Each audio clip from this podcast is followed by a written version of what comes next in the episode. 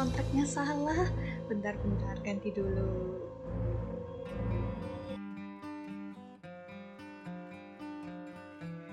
Hai, gimana kabar kalian? Alhamdulillah aku sangat baik. Ingat nggak kapan aku insisi payudara? Yap, tepat di Hari Dokter Nasional, Sabtu 24 Oktober 2020. Bagi yang belum tahu kisah sebelumnya, bisa disimak episode satunya ya. Biar nyambung aja sama episode yang ini. Baiklah, bismillah aku akan mencoba untuk menceritakannya secara runtut dan terperinci. Hari itu, Jumat 23 Oktober 2020. Aku memulai serangkaian pemeriksaan sebelum check-in berkemah. Iya, berkemah. Aku nggak mau nyebutnya ke rumah sakit. Ya karena aku nggak sakit. Ya cuman butuh waktu untuk selonjoran. nah, pemeriksaan pertama adalah pengambilan darah untuk cek darah lengkap dan rapid test. Tahu kan sekarang itu masa pandemi. Jadi, rapid test ini kewajiban sebelum adanya tindakan medis. Pada proses pengambilan darah ini cukup menyakitkan karena kata petugas pembuluh darahku tipis dan halus. Hingga jarum suntiknya digoyang sana, goyang sini. Kalau bahasa Jawanya nih ya, sogrok sana, sogrok sini. Layaknya mencari belut di lubang-lubang yang ada di sawah.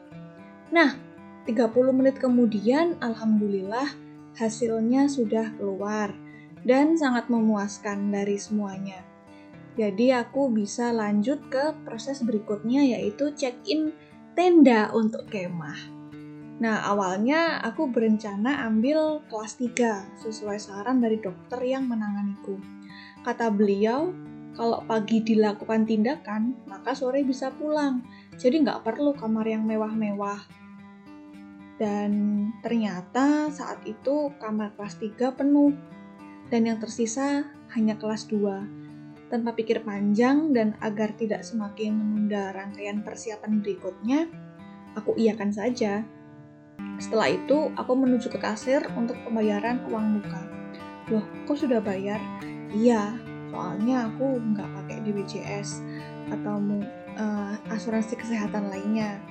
Jadi karena dari golongan umum harus kasih uang muka kayak gitu.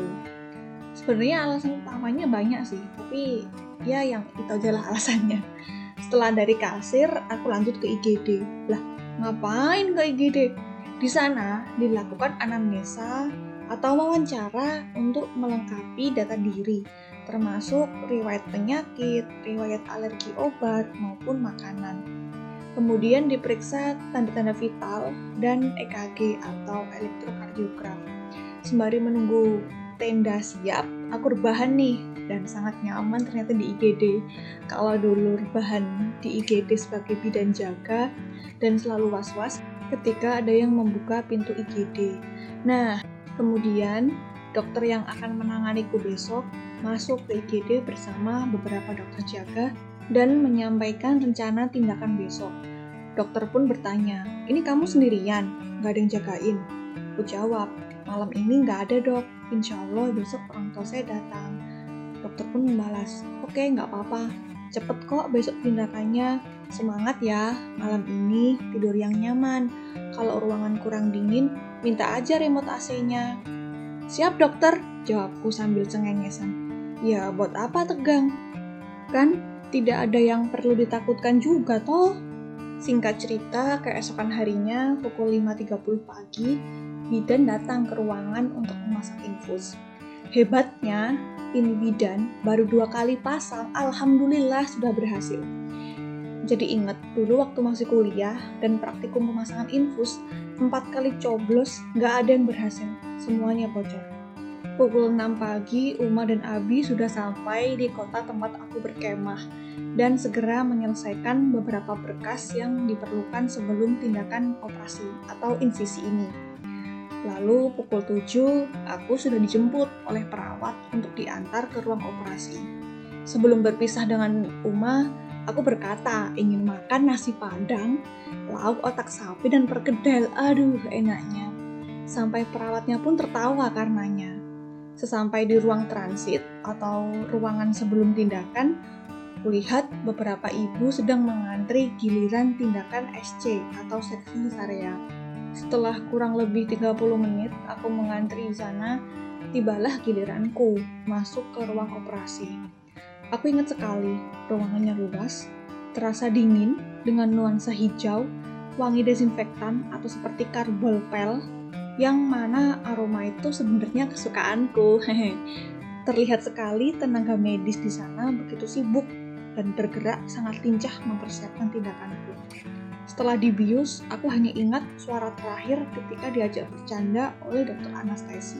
Jadi, aku tidak bertemu dengan dokter yang melakukan tindakan insisi atau operasi itu. Nah, setelah itu aku nggak tahu jam berapa tindakan itu selesai. Yang jelas, aku mulai membuka mata pukul 10 di ruang pemulihan. Karena masih pusing, aku tidur lagi hingga terbangun pukul 11 karena muntah dua kali. Karena kepalaku masih pusing, akhirnya pukul 11.30 aku dipindahkan ke tenda, tidak dengan kursi roda, tapi dengan tempat tidur dorong. Sesampai di kamar, aku mencoba untuk duduk perlahan, minum, dan disuapi Uma buah pepaya, hidangan dari rumah sakit. Pukul satu siang, Uma bergantian jaga dengan adikku. Mengejutkannya, adikku ini luar biasa supportnya. Dia membawa dua bungkus batagor, satu bungkus gado-gado, dan satu buah semangka yang udah dipotong terus dimasukin ke wadah gitu serasa pesta di tenda ini. Karena masih mual, aku tidak menghabiskan semuanya. Hanya semangka yang berbobot kurang lebih 750 gram yang berhasil aku habiskan. Alhamdulillah. Tadi gado-gado juga makan sih, tapi cuma dikit. Maunya nasi padang, tapi yang jual nasi padang tuh jauh, jadi ya ya seadanya dulu aja. Seadanya kok banyak dasar melunjak. nah, pukul 4 sore perawat mengecek kondisiku sekaligus melepas infus dan aku dapat menyelesaikan administrasi di bumi perkemahan ini untuk segera pulang ke rumah orang tua. Alhamdulillah. Eh, panjang juga ceritaku. Untuk bagaimana kelanjutan luka bekas insisi dan berapa jumlah biaya yang aku keluarkan akan aku ceritakan di episode berikutnya.